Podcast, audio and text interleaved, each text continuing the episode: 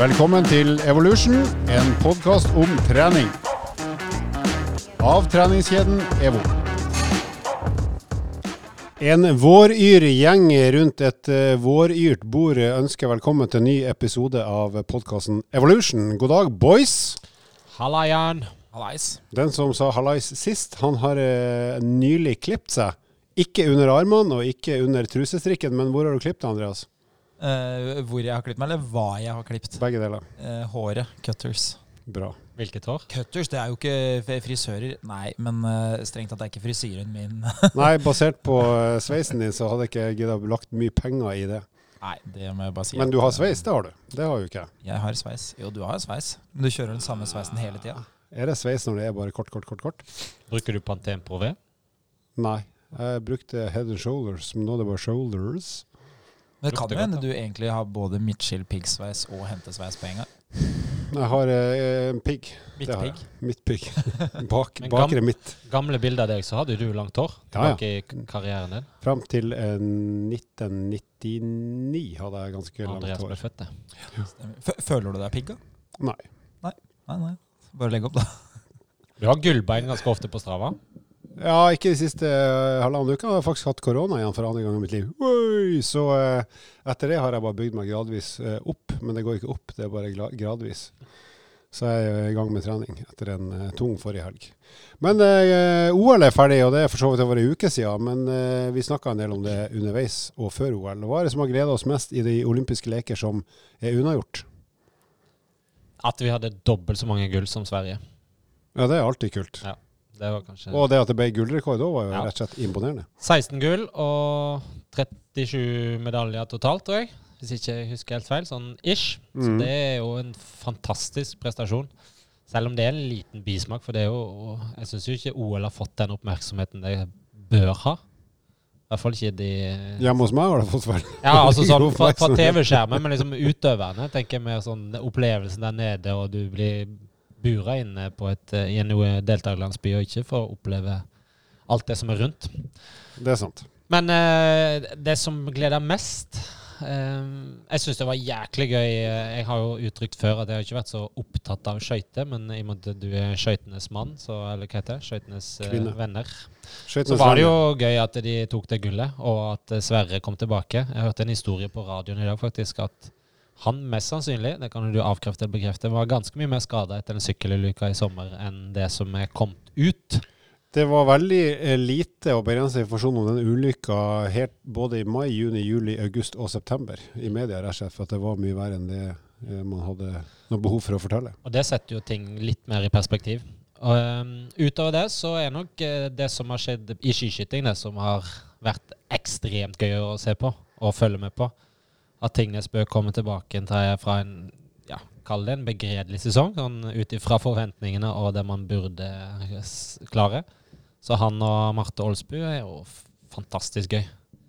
Ja, det er imponerende. Jeg må jo si at det var ikke noe hyggelig å se, men det at Tandrevold gutser så hinsides for å prøve å henge på en sølvmedalje, Mm. det syns jeg er imponerende, selv om det er trist at det går så gærent. Men altså når du er villig til å satse så tøft så det, det, Jeg blir imponert over sånt, eh, faktisk. Selv om det er forferdelig kjipt å se at hun er helt kokt siste 600-800 meter. Men det er imponerende i mental vilje for å virkelig banke seg ned i kjelleren. Der får du jo da perspektivet på hva høyden faktisk har å si, eller en, kall det mellomhøyden. Det er jo ikke høyt-høyt, og det er ikke lavt, men det er Og apropos det med langrenn, der hadde vi jo en del forventninger og fikk masse medaljer, men det ble ikke så vanvittig som man kunne ha håpa på, i hvert fall, særlig ikke på herresida. Du har jo en del inside på langrenn, Andreas. Eh, Du kjenner jo Holum bl.a., som hadde vel et par fjerdeplasser, men skulle vel eh, gjerne ta kopp eller to. Ja, det, det jeg kanskje liker aller best med OL, da, det er jo at eh, det nok en gang beviser at det er innsatsen du legger ned, pluss at du må ha litt flaks. Jeg er veldig fan av at det å vinne OL-gull ikke bare er flaks. For, for det, det hadde jo vært kjipt ikke sant? hvis folk egentlig er best hele tida, og så vet vi det deles ut da eh, bare én gang hvert fjerde år, og så, eh, og så har du uflaks akkurat da. Og det skaper jo noen morsomme historier, men jevnt over er det jo fint at de som legger det mest, også får mest avkastning. Og i langrenn så, så er det jo som det en gang er, da, at eh, det å vinne skirenn på Lillehammer før jul har jo sjelden vært den pallen som vinner OL-gull eller VM-gull i uh, februar-mars. Og sånn er det jo igjen. Plutselig så dukker de opp, de som kan å gå på ski. Da ser du han uh, Finn, han Livo Niskanen.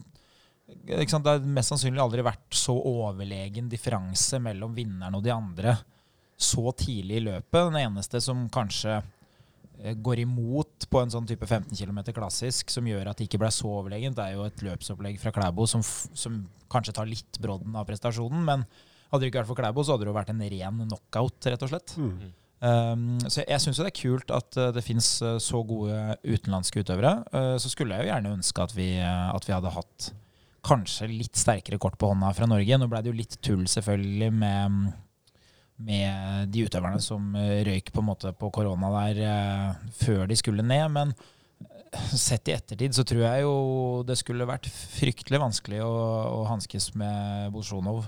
Det, det tror jeg ikke du hadde fått til uansett. altså. Jeg tror særlig kan Oddvar Brå i kanonform i 1982-form hadde klart det. Nei, Oddvar Brå frisk. Han var jo Frisk, ja. sjuk Ja. hver gang det var mesterskap.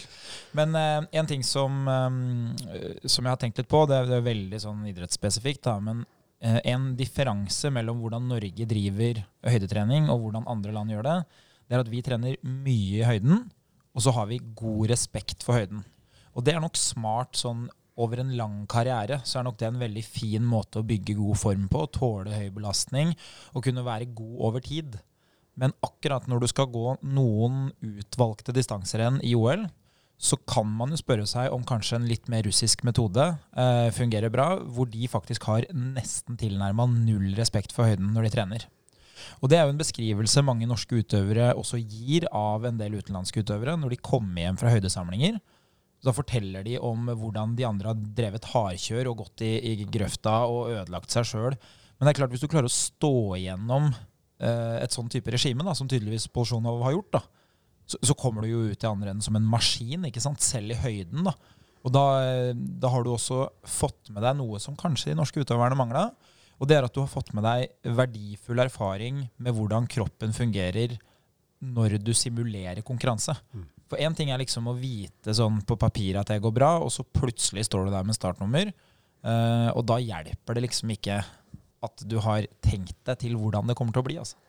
Nei, det sant, og det går jo på den spesifikke oppladninga. Det er også å ha trent hvert i en intensitet du vet du eh, kommer til å møte i OL, som er som vel for alle, uten at jeg noensinne kommer til å delta. Men det er vel de, det er vel de gangene i livet du tar deg ut aller mest. Det må jo være når det står om OL-medalje. Som sagt, jeg har ikke gjort det. Jeg har ikke tatt kretsmesterskap engang. Men men det jeg trent med på det høyeste nivået der, så, så må du ha prøvd hva det vil si på min kropp, og gjøre det i de betingelsene du møter. Men det kunne vært en idé om vi kanskje kunne få noen vinter-OL igjen til plasser som folk har vært på før.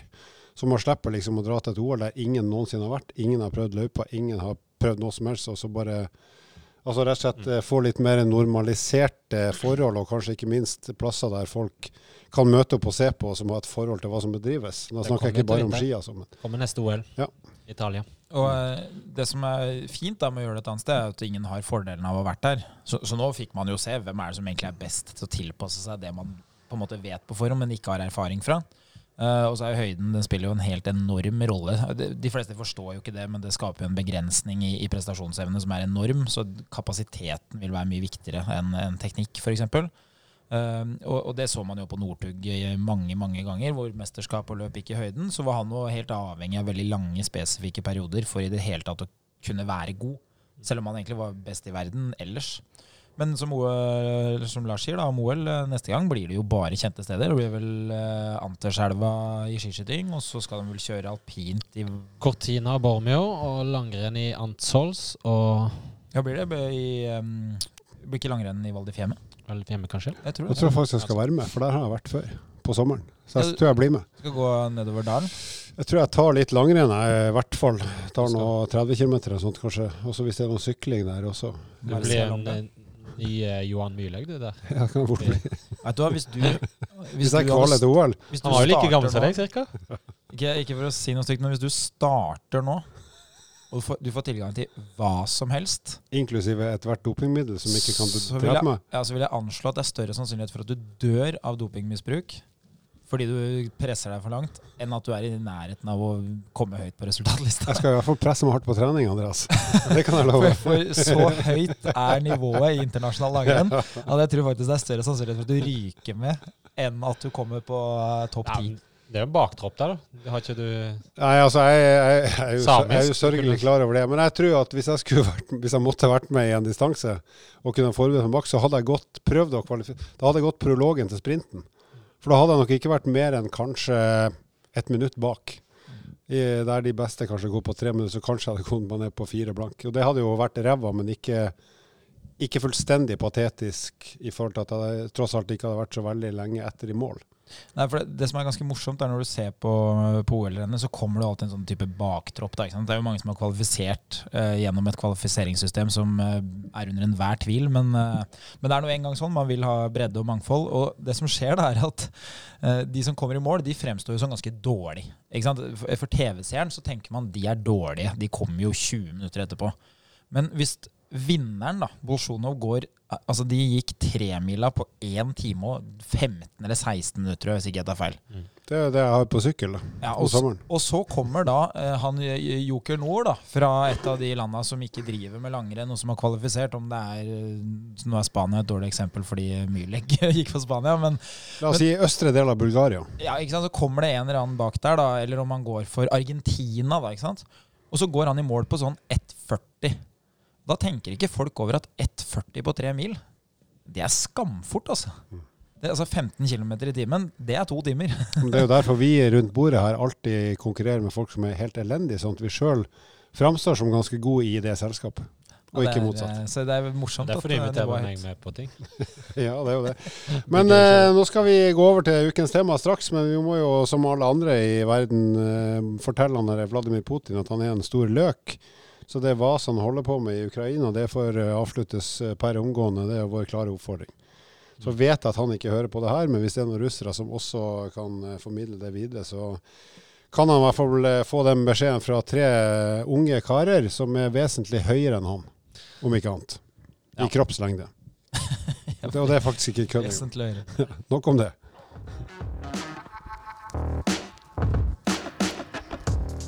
Vi skal snakke om eh, TV-serien som nettopp er avslutta, som heter 16 uker i helvete. Eh, og det er sikkert mange som har sett, og de som ikke har sett det, kan hende at de blir pirra til å se det etter at vi har eh, gått gjennom en liten hva skal vi si, analyse og noen kommentarer. Det har gått på TV Norge og Discovery Pluss. Og det er kort fortalt et eh, opplegg der seks kjente nordmenn har gått gjennom 16 ukers opplegg der de skal gå ned i vekt, komme i bedre form, bli kvitt livsstilssykdommer og det ene med det andre. Altså et, rett og slett et livsstilsprogram der de har gjennom de 16 ukene både trent annerledes og mer enn før, og de har også da lagt om kostholdet sitt ganske dramatisk. Så meget kort fortalt, før vi begynner å diskutere, så er følgende personer som har vært med. Det er Jørn Hoel, smøresangeren fra nord. Mm. Min, eh, mitt store idol på 80-tallet. Så er det Håvard Lilleheie, som for mine barn er kjent som karakter i NRK Super. Men han er skuespiller og Strømsgodset-fan og litt av hvert. komiker. Komiker. Ja. Så har vi Christer Falk, som eh, var vel den som vant Robinson for første gang Ja, for 20 år siden. Det Ja. var vel første sesong, var det? Ja. Eller en av de første, i hvert fall. Christer Falk, ja. Og så har vi Trine Lise Olsen, som er en komiker fra nord. Ikke like dårlig som meg, men ikke så lang, er ikke så mye bedre heller, dessverre, for henne. Og ikke Også- den stygge. Nei, det er jo gøy. Og så har vi Agnete Huseby, som er YouTuber, i hvert fall. Ja. Først og fremst. Ja. Og så har vi Sandeep Singh, som er programleder på NRK P3, tror jeg. Hvis Ja. ikke jeg tar aldeles feil. Så de seks har vært på den reisa her over 16 uker. Og kort fortalt, det de har gjort, eller skal ha gjort, det er jo at de skal ha hver eneste dag gå én time, det de kaller powerwalk, altså én times eh, kaller rask gange hver eneste dag. Så skal de i snitt ha trent ca. annenhver dag styrketrening, og det er et ganske omfattende program som i hvert fall når jeg har sett på programmet og prøvd å legge sammen, så tar det nok i hvert fall en god time, tror jeg. Ja. Med alle øvelser og pauser og serier jeg har sett. Og så har de lagt om kostholdet ganske dramatisk, så de har jo et mye lavere næringsinntak enn det de har hatt eh, fram til starten av programmet. Som eh, består av magrere mat, eh, en del måltidserstattere som type proteinshake og den type ting. Eh, og ganske betydelig reduksjon på karbohydratinntaket, så vidt jeg har klart å se både av de oppskriftene og det andre som ligger ute. Så et ganske betydelig næringsunderskudd eh, i matveien, pluss mye hverdagsaktivitet og også mye styrketrening. Så egentlig ganske store endringer i alle de tingene vi kan snakke om i forhold til livsstil, både treninga og kostholdet. Og det har de kjørt på da i 16 uker, var ferdig, programmet var ferdig for, for ca. en uke siden. Så, eh, mye å si om det her. Men eh, hva hvis vi begynner med treningsopplegget, da? Hva syns vi om måten alle skal trene på? Altså det å gå en time powerwalk hver dag, og ha ganske mye styrketrening, en drøy time styrketrening annenhver dag i tillegg. Hva tenker vi om det? Det er en god måte å løse en sånn endring på helse, form, styrke osv. Eh, på generelt grunnlag så vil jeg jo si at det å trene eh, en eller annen form for eh, utholdenhet, altså sånn at du får trent hjertet, og det å trene styrke, det er smart. Det bør alle gjøre. Uh, og så er det jo sånn med det programmet her at uh, hvis man er fagperson, så har man nok sterkere meninger enn vanlige folk. Uh, men så aksepterer jeg jo òg at veldig mange av de som ser på det, de, der treffer man på en måte litt på de fordommene og litt sånn forventningene folk har. Fordi jeg har jo jobba med såpass mange vanlige mennesker som har vært PT-kunder av meg, at jeg forstår at eh, det er egentlig sånn man ser verden og ser trening. Eh, og det er jo viktig å ha med seg at det er et nyansert bilde der. Men eh, det som er morsomt, da, i den grad det kan være morsomt, men det er i hvert fall veldig bekreftende, det er det å være fysisk aktiv og det å ha et kontrollert kosthold. Det gir deg de resultatene som veldig mange vil ha, som er lavere vekt, bedre form. Og det, det viser de her. Så helt uten liksom å, å se på hvordan de detaljert har fått det til, så har de jo gjort det som vi lever av å si at det er mulig. Så det, det er bra.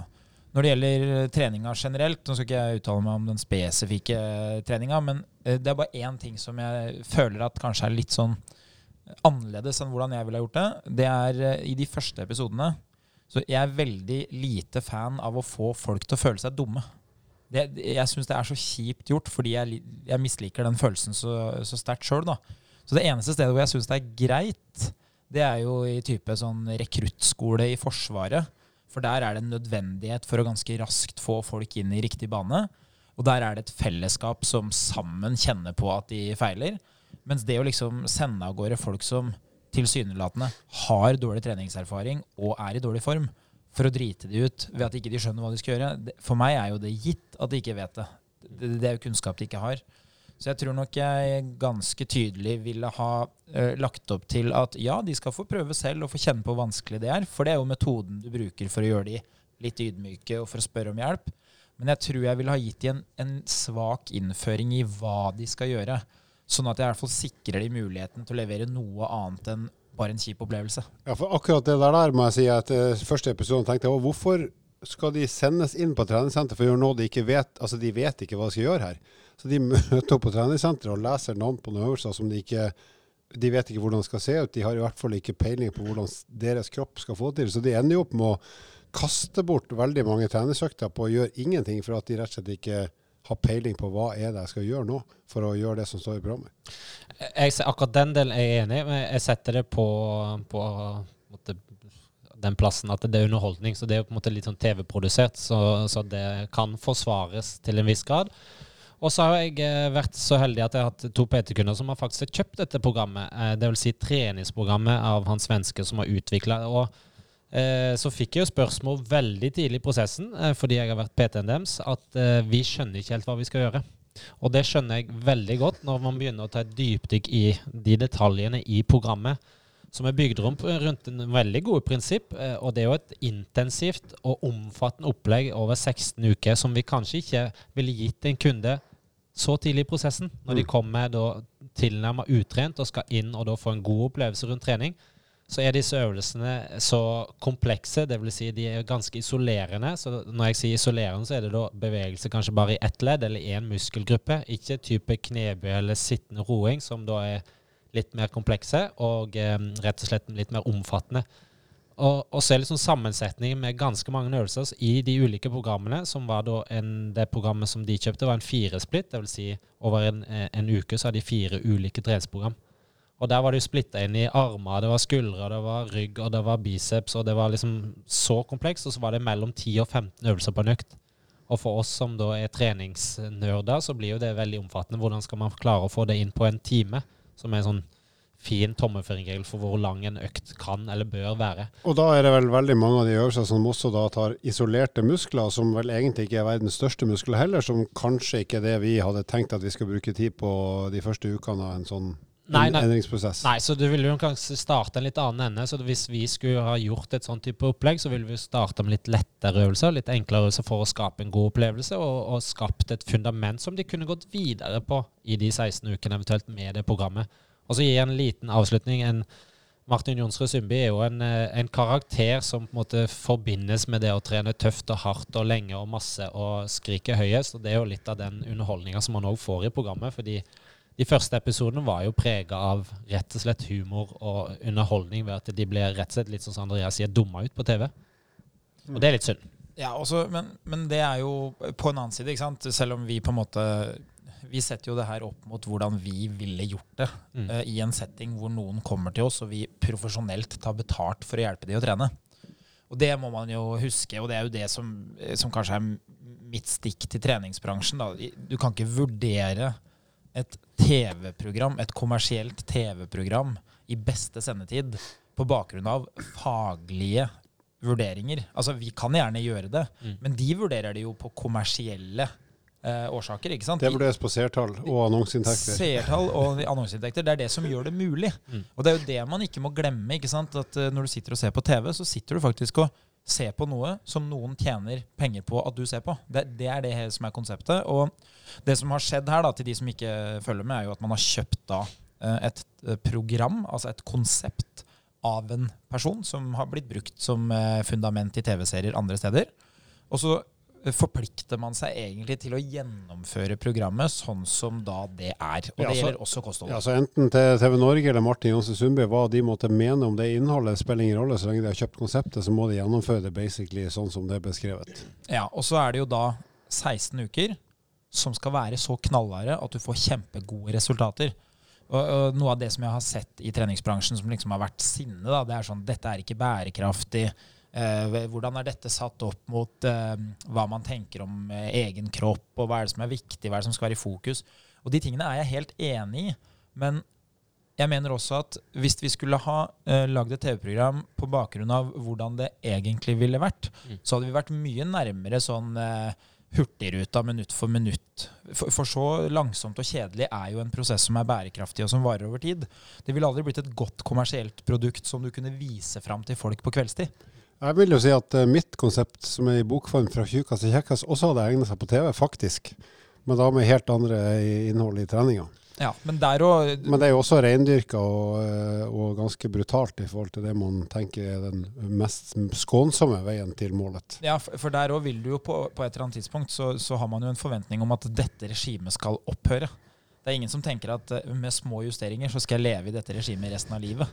Og, og det er jo det man må ta med seg. Det, er Det 16 håpet, det håpet forsvinner fort, i hvert fall for de fleste. Det heter ikke 16 uker i helvete fordi at det skal være resten av livet. Ikke sant? Så Men det, er jo det en, det, det som er viktig å få frem det- det- nesten satt litt på spissen, så spiller ikke noen rolle hva de hadde gjort.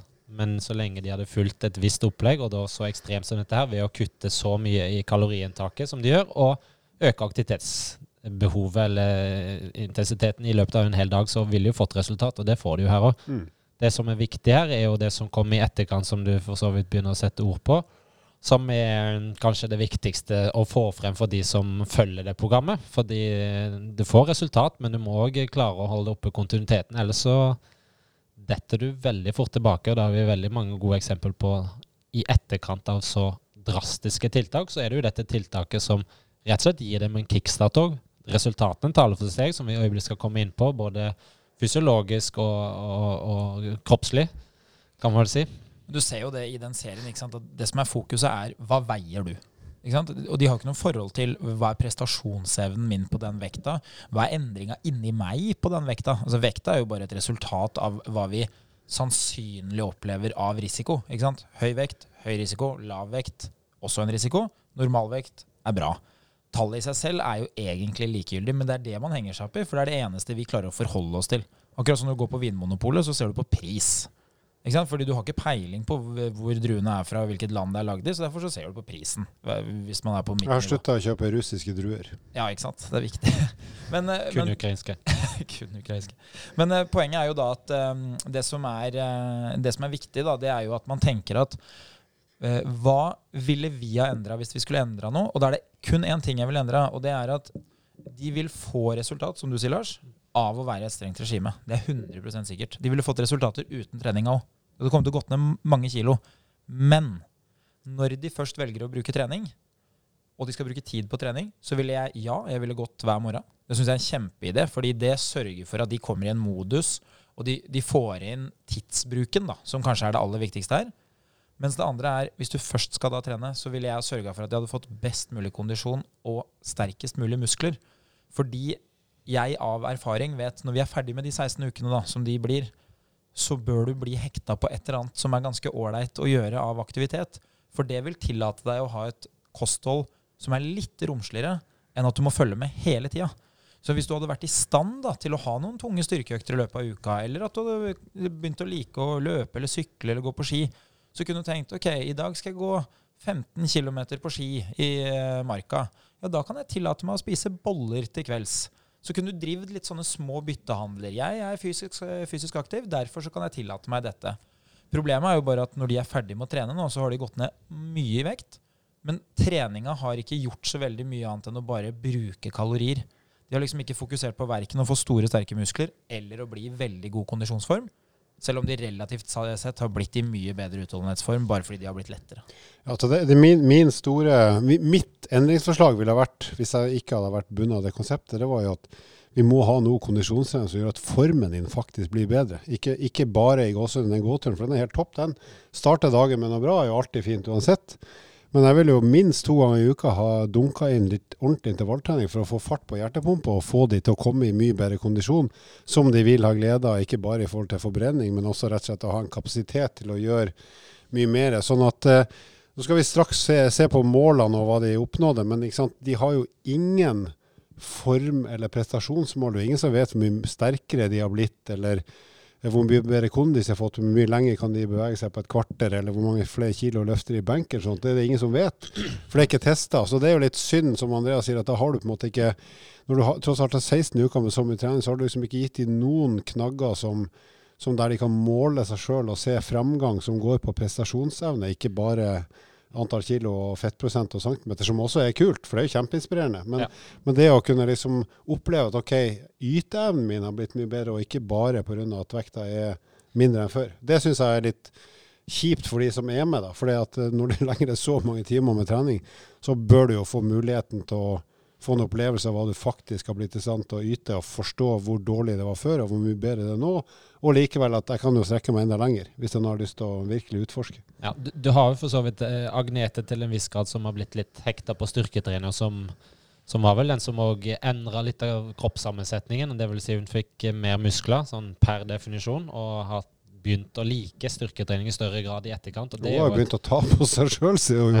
Ta på musklene sine. Syns det er litt rart. Så, så, så det er Hun sier det i TV-serien, det er ikke noe jeg finner på. altså. Siste episode.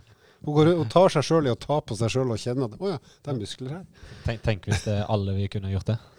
Tatt på hun, eller Tatt på deg. Tatt på meg. Da har vi ikke funnet muskler, men mye annet. Eh, jo, nå skal vi ta resultatene. ta Jørn Hoel først. Han gikk ned da 12,2 kilo eh, i kroppsvekt og hele 18 cm i livvidde, eller midjemål. Det er heftig. Mm. Håvard Lilleheie ned 10,2 kg i kroppsvekt og 10 cm i midjemål, uh, som er bra, men ikke ekstremt. Så han har jo ikke vært ekstremt pliktoppfyllende heller. Christer Falk 20,3 kg ned i vekt, det er ekstremt. 27 cm ned i midjemål, også ekstremt. Så han er jo den som by far har hatt de største endringene sånn eh, målbart. Trine Riise Olsen ned 12,8 kilo og 16 cm i midjemål, også veldig eh, imponerende resultat. Agnete Huseby, som vi akkurat snakka om, har gått ned 14,5 kilo kroppsvekt og 23 cm i midjemål, også ekstremt resultat. Du skjønner si. da at du begynner å få synlige muskler? Ja, men hun også, da, sant, som er litt gøy, at hun har jo faktisk oppdaga at trening er jo ikke helt dritt. Det er ganske kult, det. Og hun har jo blitt god til å trene. Hun trener med intensitet, og hun så jo Nå har jeg sett hele serien to ganger. hun er jo så god at hun kan måle seg med de andre, men må få større utfordringer enn de andre når de trener sammen, for hun har blitt så mye bedre enn alle andre. Fordi at hun har virkelig kicka på trening og utvikla sin egen prestasjon. Så har vi til slutt en Sandeep Singh. Han har gått ned 12,5 kg og 13 cm i midjemål. Så det er jo formidable resultat når vi ser på de isolerte resultatene her. Selv om det er 16 ukers mer eller mindre slit som ligger bak, så er det jo store tall. Ja, for eh, sett opp mot uh, Helsedirektoratets anbefalinger, da, så er jo det å gå ned en halv kilo i uka er jo det man anbefaler. Da ligger du ca. 500 kalorier i minus hver dag. Da vil du kunne opprettholde det du driver med til vanlig, uten at uh, vektreduksjonen vil prege deg nevneverdig. Og da, Hvis du hadde gått ned en halv kilo i uka, så ville jo det vært da åtte kilo. ikke sant? Så de fleste her har jo hatt et ganske mye høyere um, underskudd da, av kalorier enn det som er anbefalt. Og så vet vi at fra 500 til 1000 går som regel greit, men noe særlig mer enn 1000 det vil være ganske tøft. Da vil du begynne å kjenne på at du er tom.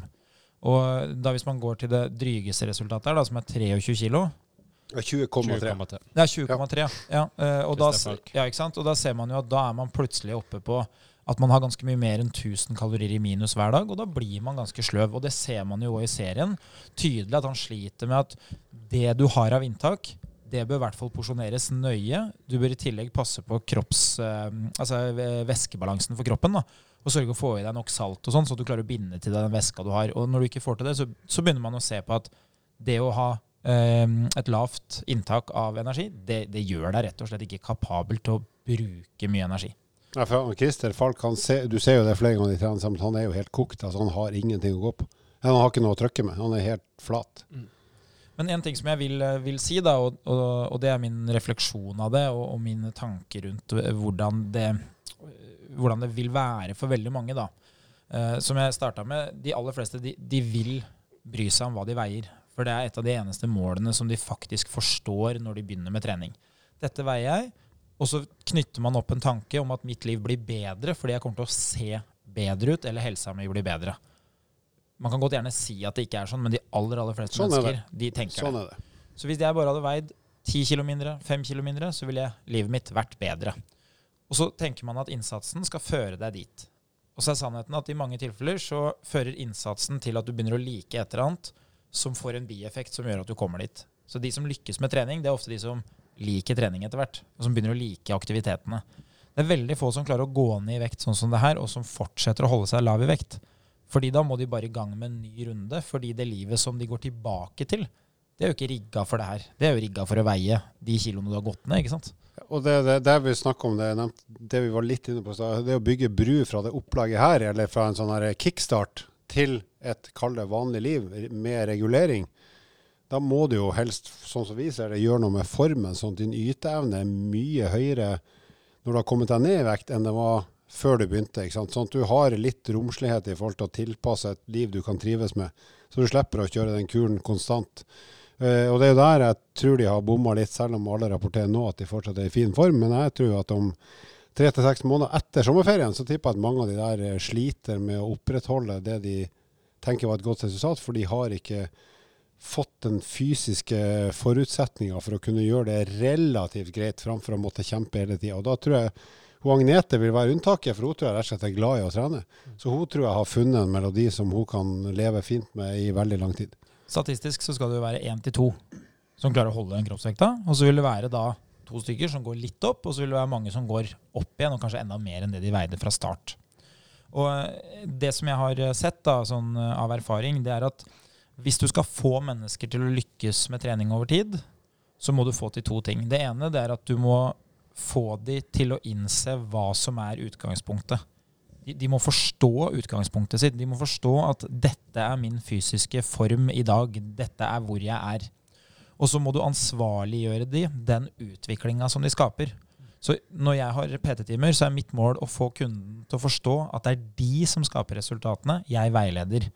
Så det er ikke jeg som gjør de sterkere, det er de selv som gjør seg sterkere ved at jeg forteller dem hva som er en fornuftig måte å bli sterkere på. Og de som da finner interesse i progresjon, utvikling, de som finner interesse i at forrige uke var det 25 kg i benkpress, denne uken er det 27,5 de lykkes. Mens de som kommer på trening, og som sier Uh, ja, nei, det var jo veldig kø i dag, og sånn, så var det nesten ikke jeg kom. Uh, men uh, nå er jeg her. Det er veldig fint. Jeg kan sørge for at de holder formen, men da må de møte meg regelmessig. De kommer ikke til å klare seg på egen hånd, fordi i det sekundet jeg forsvinner, så forsvinner også all kunnskap om trening. Så Derfor så er det ekstremt viktig, hvis du tenker nå at jeg har lyst til å liksom gjøre en endring i livet, sørg med å finne ut hvor du er, og så ta interesse i hva som skal til for å flytte seg sakte, men sikkert mot B, da, så du kommer deg fra A til B. Og så er det et annet aspekt som vi òg bør bare ta frem og nevne. Det er jo de fysiologiske testene, altså blodprøvene gjør sammen med legen Kave, eh, sånn i forhold til faren for en del livsstilssykdommer, som òg ligger tett relatert til overvekt og eh, i tilnærmingen mot fedme, og dermed med å redusere fettandelen og livmidjemål, som gir gode, gode resultat. Nå husker jeg ikke alt i hodet. og vi, det blir Men det var betydelig framgang på alle. ja, Ja. sånn i forhold til både eh, Blod, blodsukker Blodsukker, lavere, ja. LDL lavere. Så ja, alle en del de fettsyre. Så, så det er jo faren for livsstilssykdommer er jo mye mindre med, med en gang vi, eh, vi rett og slett reduserer kroppsvekta vår. Så her er jo viktig å ha med seg at det er ikke bare det at vi eh, altså endrer at vi går lavere i vekt og får mindre livmidjemål, men det er en del andre aspekt som òg er positivt ved at vi klarer å, å redusere det og ha et så betydelig regime. Definitivt. Og i tillegg så er det jo mot slutten av serien så er det jo mer og mer fokus på hvordan de sjøl opplever sin egen kropp og form. I starten var det veldig mye på kilo, centimeter fettmasse. Så fikk jo serien utrolig mye kritikk for mange syntes at det var helt horribelt å fokusere på det. Eh, og det kan jeg godt forstå, men samtidig, det er som Andreas sier, at hvis, hvis menneskene er opptatt av hvor mye det veier, så må de jo få lov til det. Det betyr jo ikke at det skal være ulovlig. Og så er det jo smart å henge på flere ting som gjør at du kan se at det ikke bare er det som betyr noe. Eh, der syns jeg jo de har dreid fokus veldig mot mer hvordan oppleves å ha, være i bedre form. Det å kunne gjøre flere ting. Så i slutten av serien så er det mye mer fokus på det enn bare de her tallene som de på en måte har ønske om eller blir presentert. Jeg tror det er litt taktisk av produksjonen å fokusere litt mer mot det på slutten, siden de har fått mye kritikk. Men samtidig så viser jo det det som vi ønsker at alle skal få med seg når de kommer i bedre form, nemlig opplevelsen av å være i bedre form. Den er mye kulere enn å være i ræva form. Så la meg gjøre meg i stand til å ta vare på det. Det tenker jeg er en god ting. Og så er det én ting som, som er viktig for meg å si. Da, det, jeg, jeg tror ikke man skal falle for fristelsen og tro at livet er bedre fordi de har gått ned i vekt. Selv om de fremstår under veiing halvveis og til slutt som at de har det mye bedre fordi at resultatet har blitt bra. Men det som egentlig skjer, det er at de har gjennom å være ansvarlig for å skape resultatet, fått selvtillit. De har kanskje for første gang når det gjelder fysisk aktivitet, hatt ansvar og skapt et godt resultat som gir god følelse. Så når de går inn og veier seg, så sitter vi og ser på ja, du har gått ned sju kilo, og så ser du bare den euforien. Mm. Så er ikke det eufori fordi at sju kilo mindre kommer til å endre mitt liv fordi nå ser jeg annerledes ut, eller nå er det annerledes inni meg. Det er jo eufori fordi de da har hatt ansvaret for seg sjøl i åtte uker. Og der har de jo prøvd hver dag i åtte uker å skape et godt resultat, og så har de fått det til. Og det er jo det man også ser hos en del som trener jevnlig. Når de plutselig kommer i form, så er det jo ikke fordi at de går rundt med synlige muskler eller fordi de løper fort at de føler seg bra. Det er jo fordi at de har kontroll på noe. De vet de at min egen innsats, og kun min egen innsats, har sørga for det resultatet her. For når det kommer til trening, så er det så enkelt som at alle mennesker må trene. Det er ikke mulig for meg, uansett hvor god PT-en min er, at jeg kommer i god form uten å delta. Og det er jo det som er det fine med trening, at uh, du trenger på en måte uh, verken å tenke på hvem som er foreldra dine, eller hvor mye penger de har, eller hva du har gjort før, fordi alle kan bli bedre enn det de er. Med mindre du allerede har brukt opp muligheten ved å være i tidenes form. Og det er det bare et fåtall mennesker Jeg som er. lurer på om jeg faktisk begynner å nærme meg den kategorien, men det er nok mest for at jeg begynner å bli så gammel. Tidenes form. Ja, så at jeg har vært i min, min tids tidenes form, den er liksom forbi snart. Ja, for det er en ting som jeg lurer på. jeg å bli hun gammel. Når, eh, eh, når vil du i løpet av din tidslinje anslå at du var nærmest de beste i verden i et eller annet som du drev med? Da jeg var 17, det er jeg helt sikker på. Ja, Og hvilken idrett? 3000 meter terreng. 3000 meter terreng? Ja. Ja. Jeg var så god at jeg var med i militært NM uten å ha trent for det. Men jeg var jo ikke i nærheten, altså, men det var da jeg var nærmest. Selv om jeg ikke Ja, var i ja, ja. nærheten. Skjønner jeg hva jeg mener. Jeg, jeg skulle gjerne hatt en sånn historie, hvor jeg, men jeg tror dessverre at den gangen jeg var nærmest, det var mest sannsynlig andre året med sjuerfotball. det er ganske trist. Ja, det er ganske trist. For da er det bare åtte år. Ja, hvis ikke, Med mindre benkefotball er en kategorisert som idrett, for da kan det hende at jeg var oppe og nikka på ungdomsskolen. Jo sånn hjørnefotball. Ja, så, ja hjørnebenk, sånn Ja. hjørnebenk, lav hjørnebenk. Er Ja. Rumpefotball i gymsalen, da var du, da var du nærme. Helt konge. Nei, men det er bra. Eh, Vi synes det program, Sånne program syns vi er egentlig ganske kult. da, For at eh, alle som ser på det, får en eller annen oppfatning om det de ser, og om man blir forbanna eller syns det er kult eller hva som helst. Det er nå i utgangspunktet bedre enn å ikke ha noe interesse i det. Og så ville vi gjort ting litt annerledes, men, men eh, faktum er at skal du gjøre en ordentlig livsstilsendring, så kommer du ikke unna å gjøre noe med kosten og treninga. Det, det er rimelig bankers. Og Bare la meg gjenta det jeg sa etter at vi snakka om den NRK-serien uh, Et fett liv. Jeg syns det er veldig veldig fint at fysisk aktivitet og helse får lov å være det som går prime time. Mm. For det er ikke gitt, altså. Det, det syns jeg er veldig bra. Så uavhengig om man liker programmet eller ikke, det at det temaet får lov å stå i TV-ruta akkurat når flest ser, det er bra. Samme med Mesterens mester. Altså der og, det er jo x antall familier rundt om i Norges land som har testa 90-graderen eller andre typer konkurranser som de utøver. Hjemme hos oss kjører vi 69-graderen. Stående. Stående. God natt.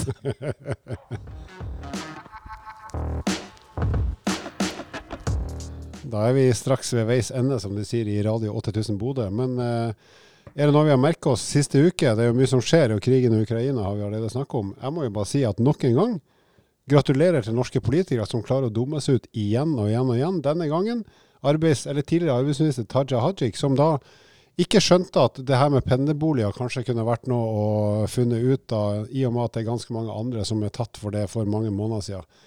Så det er bare å gratulere hvor, hvor utrolig ignorant det skal gå an å være i forhold til sin egen nære fortid. Det, nå slutter jeg å bli overraska, men jeg blir likevel eh, Forbanna. lite imponert. Nei, ikke forbanna. Jeg bare jeg skjønner ikke at det er mulig. ja. Når du er så høyt oppe i politikken at du ikke skjønner at du bør se deg i bakspeilet og finne ut av har jeg vært ryddig eller ikke, og hvis ikke, så fiks nå det før alle andre ser det. Jeg har to råd. Råd én til de som jobber med kommunikasjon på Stortinget. Sørg, sørg for at de du har ansvaret for, går gjennom papirene sine. Og råd to til alle politikere som var politikere for 15 år siden, og som hadde pendlerbolig. Lytt til kommunikasjonsansvarlig. Jeg så, Det var noen som hadde lagt ut eh, Arbeiderpartiets uh, vettregler, eller hva, det, hva de skulle Nettvett. Nei, det var, det var noen sånn um, uh, vettregler. i Do's and don'ts, Nei, ja. Du skal da Pri 1 innrøm dine feil. Pri 2 legg deg flat. Men det er ingen som følger det. Nei, nei. nei hun der ikke, hun klarte ikke å Hun har jo bare beklaga noen ulne saker hun, på sin egen eh, presse, pressekonferanse, og så, og så stiller hun ikke opp i et program som har lyst til å spørre henne direkte på liven. Så det syns jeg er uavhengig av partitilknytning. Det er bare stusslig. Det er for dårlig. Bare slutt. Og trekk deg som nestleder. For det neste gang vi har podkast, så er ikke hun nestleder i Arbeiderpartiet. Jeg er helt sikker på. Og det som eh, er veldig fint, det er at i Norge hvor vi har demokrati og vi har domstoler og sånn, så er det vanligvis dommen. Den avsies jo av domstolen. Men når det gjelder sånne ting som er offentlig, sånn så er det folket som bestemmer. Så hvis folket mener at du har driti deg ut, så har du det. Og da må du begynne å høre det når eh, VG skriver det på forsida for åttende gang, at nå, nå går båten under her. Til og med vi har fått det med oss, alle politikere. Så slutt nå å drite dere ut. Vær så snill. Kan vi snakke om noe annet neste gang. Takk for oss. Ha det bra. Sayo. Nara. Vil du vite mer om trening? Abonner på podkasten og sjekk ut vårt treningsmagasin på evo.no.